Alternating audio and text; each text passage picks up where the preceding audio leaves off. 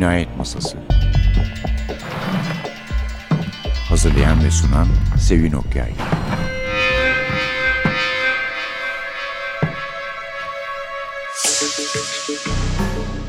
Merhaba. NTV Radyo'nun Cinayet Masası programına hoş geldiniz. Bugün polisiyenin öncüleri diye de nitelendirilen iki yazardan söz edeceğim ama asıl kahramanımız Daphne du Maurier. Kendisini aynı zamanda Alfred Hitchcock'un ve başka yönetmenlerin Beyaz Perde'ye uyarladığı kitaplarıyla da hatırlayacaksınız. Neler bunlar mesela işte Jamaica In, Rebecca, Birds, Kuşlar ve Nicolas Roeg'ün unutulmaz filmi Don't Look Now gibi. Evet efendim Daphne du Maurier'in Rebecca'sı İtaki Modern'den çıktı. Levent Göktem çevirisiyle ve 1938'de Ulusal Kitap en iyi kurgu ödülünü kazanmış. Kitabın kapağında yazdığına göre. Şimdi ne diyeceğimi bilemiyorum. Yani hakikaten Wilkie Collins ile Daphne du Maurier polisiyenin öncüleridir. Özellikle Wilkie Collins gerçi resmen ilk dedektif romanı Edgar Allan Poe'nun imzasını taşıyor biliyorsunuz. Morg Sokar Cinayetleri. Fakat Wilkie Collins'i ben yani çocukken biraz böyle 10 yaşlarında falanken okuduğumu gayet net hatırlıyorum. Böyle gayet kibar. Şimdi Kazım Taşkent'in yayın evinin kapaklarına benzeyen ama beyaz krem rengi değil de kapaklarla çıkan Semih Lütfü kitap evi miydi? Hangisiydi hatırlamıyorum. Mesela Beyazlı Kadın vardı. Bayağı korkmuştum. Zaten korku şeylerinden korkuyorum. Bu korku romanı sayılmaz ama gene de insanı diken üstünde tutmayı başarıyordu Collins. Bir defa her şeyden önce çok sağlam bir kurgusu vardı. Bir de eleştirmenler onun mekanlardaki ustalığını, onları özenle tasvir etmesini beğenirlerdi. Hatta şair T.S. Eliot ile Altın Çağ'ın en iyi yazarı bence yazarlarından diyelim Agatha Christie ile birlikte Dorothy L. Sayers onun The Moonstone Ay Taşı'nı İngilizce yazılmış ilk dedektif romanı sayar. Oysa 1868'de çıkmıştır Ay Taşı. 1841'de basılmıştır Moxtoka cinayetleri. Aralık 1996 İngiltere yapımı 2 saatlik bir filmi de var bu kitabın.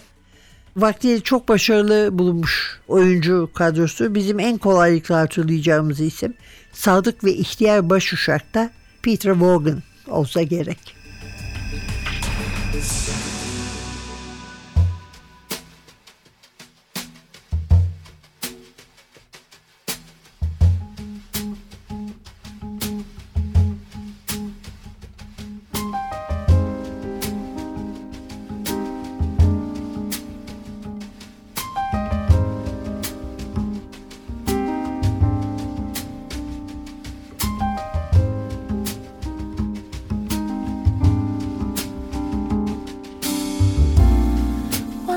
It's really cold in summer.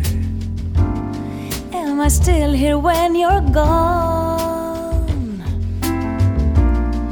Wonder if an old man's really old when minutes make a real long song. I wonder why I never see the wonders. Doesn't matter how I try. The more I think, the less I know. I know, but there's one thing I know for sure.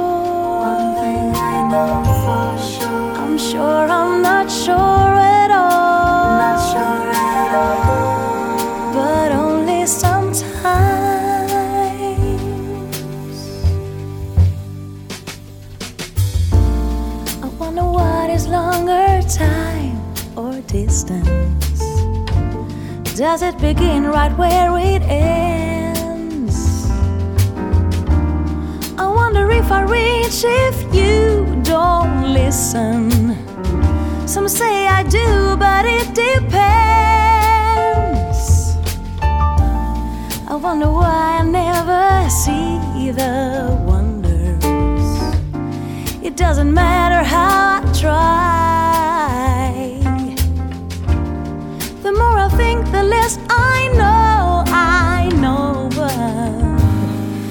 there's one thing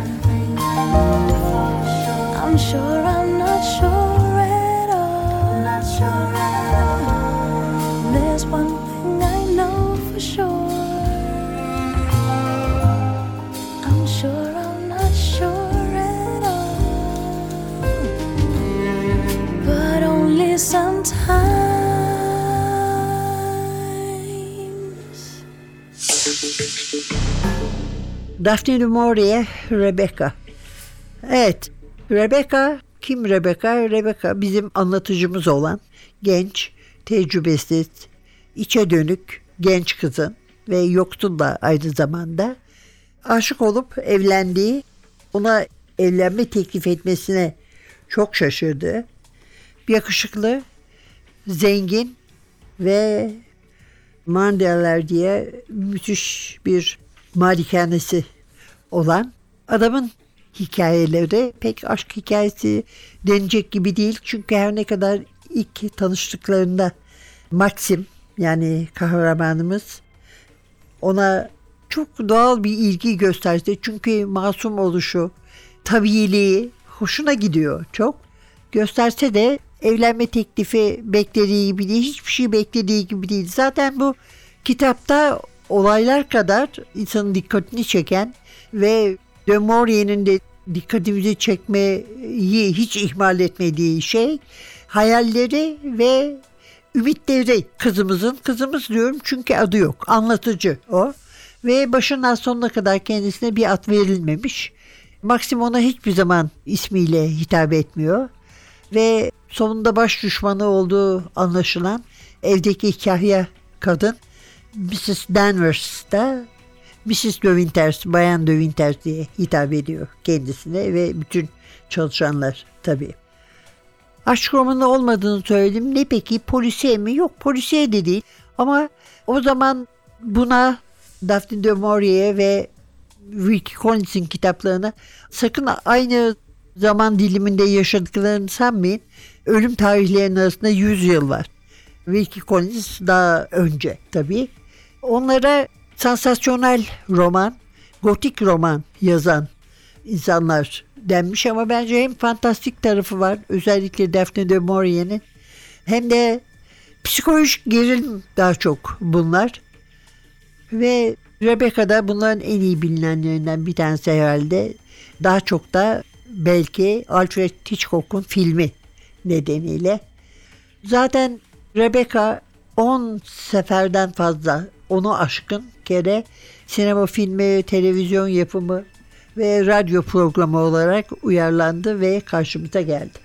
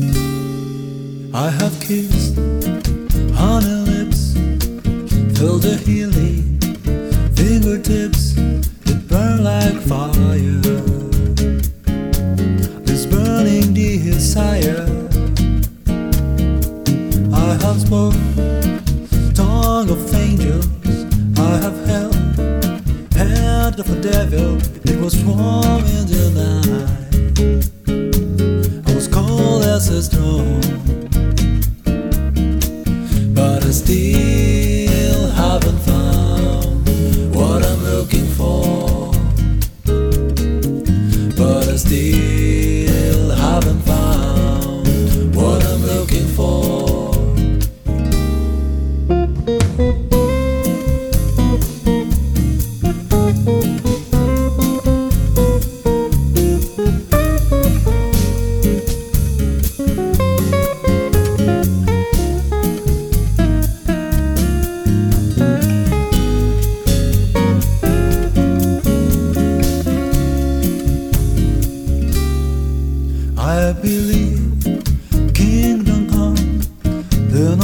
好了。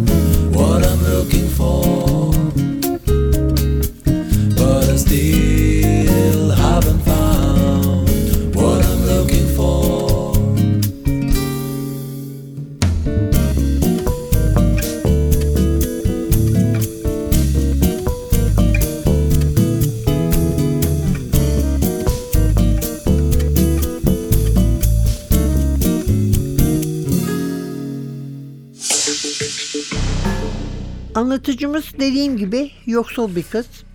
Ona pek de iyi muamele etmeyen, hiç sevimli olmayan, meşhur insanların peşinde koşan, kendini gülünç duruma düşüren bir zengin kadının yani sekreter de değil de yardımcısı diyelim. İlk gördüğümüzde kendisini yani anlatıcıyı ikisi beraber Monte Carlo'da lüks bir oteldeler ve Maxim de orada kalıyor. Hatta anlatıcının işvereninin çok ilgisini çekiyor. İlle de onunla aynı masada oturmak istiyor. Fakat belli ki Maxim böyle insanları başından uzaklaştırmada fevkalade tecrübeli. Ama bu küçük kızı temiz giyinen ama iddialı olmayan kısa saçlı erkek çocuk gibi bir parça. Zaten size yardım ederim ne işiniz varsa yaparım. Bir erkek çocuk gibi yardımcı diyor anlatıcı. Onun erkek çocuk gibi derken evet kendine androjenliği yakıştırıyor belli ki.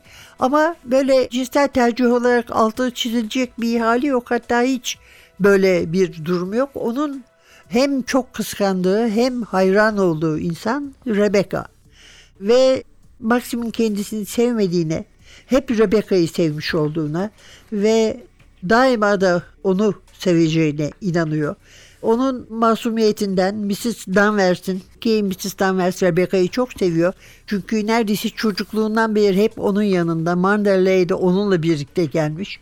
Kusursuz olduğunu ve bu genç kızın asla onun yerine alamayacağını düşünüyor. Dolayısıyla ona haksız yere sevdiği insanın yerini gasp etmiş, asla yerini dolduramayacak biri gözüyle bakıyor ve düpedüz kuyusunu kazıyor. Collins'in mekan tasvirlerinde çok başarılı olduğunu söylemiştik. Aynı şeyi Maurier için özellikle bu kitapta söyleyebiliriz. Çünkü Manderley gerçekten de kitabın karakterlerinden biri gibi gözümüzün önüne getiriyoruz. Özellikle genç, çok genç yaşlarda okumuşsanız hayaliniz oluyor. Böyle vardır biliyorsunuz böyle kitaplar ya çocuğuna karısı ölmüştür de çocuğuna baktırmak ister. Huysuz şato sahibi, malikane sahibi. Yani biri vardır, biri kaybedilmiştir. Onun yeri bir türlü dolmaz ve hiçbir şeyden memnun olmaz. Bunları bizim dönemimizin kitaplarında mebzulen bulundukları için gayet iyi tanıyoruz. Maxim de bunlardan biri fakat onun en büyük aşkı da Manderley yani malikanesi. Manderley'de de Maurier'in çok sevdiği ve uzun süre oturduğu Menabili malikanesi örnek alınarak yaratılmış bir mekan.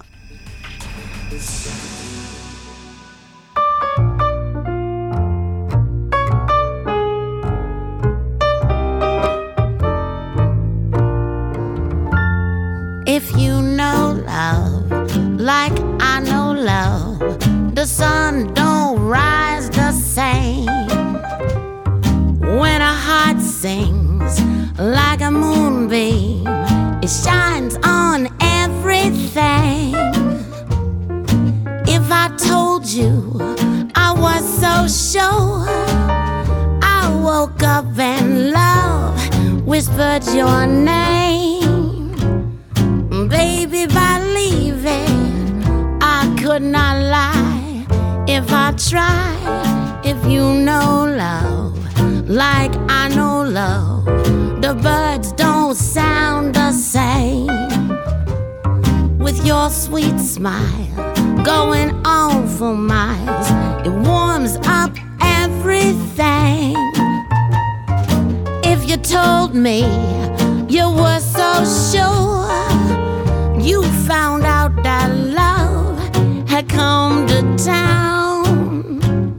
You don't second guess it if you know love.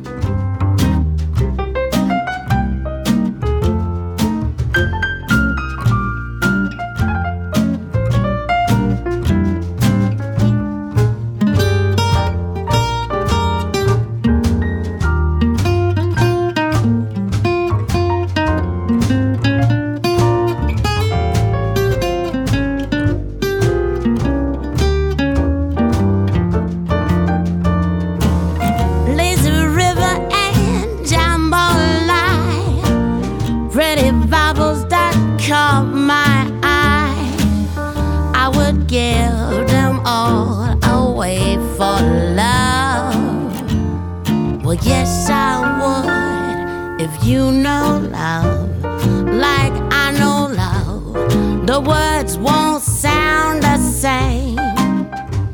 I have stumbled,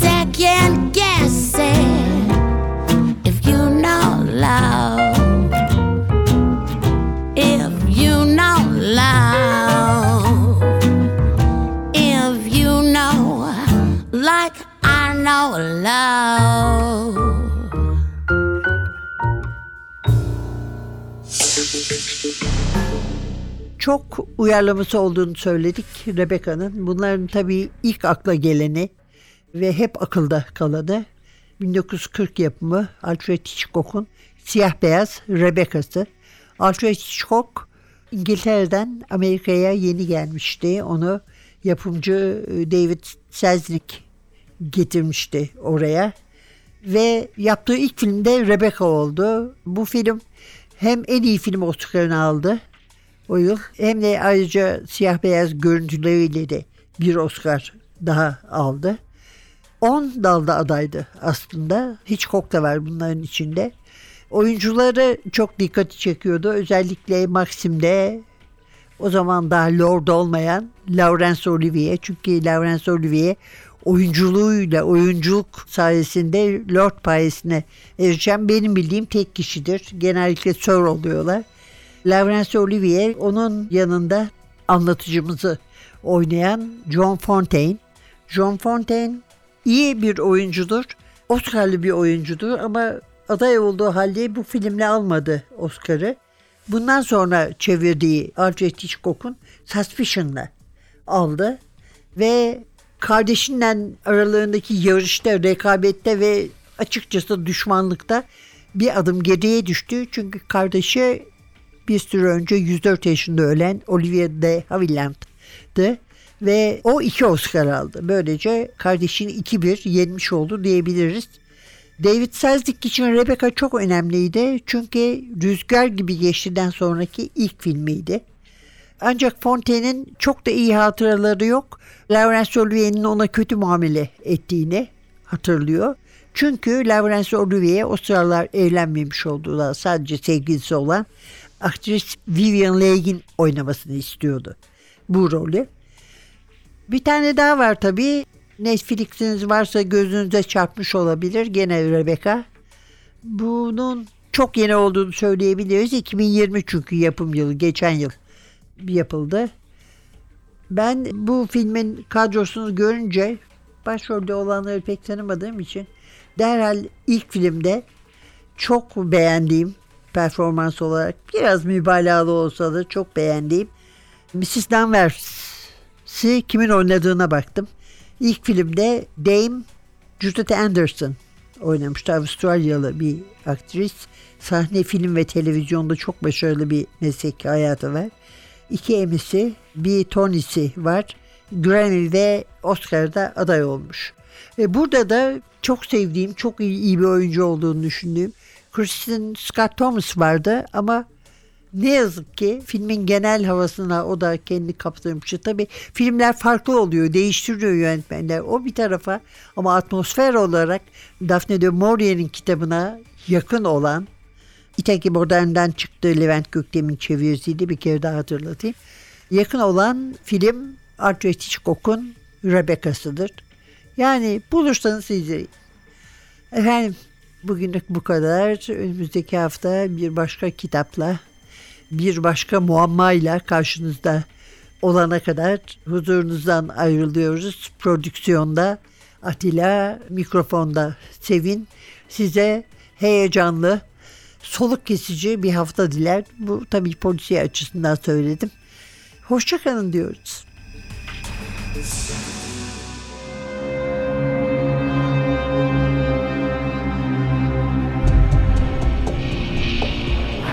Cinayet Masası Hazırlayan ve sunan Sevin Okyay Cinayet Masası sona erdi. Programın tüm bölümlerini ntvradio.com.tr adresindeki podcast sayfamızdan dinleyebilirsiniz.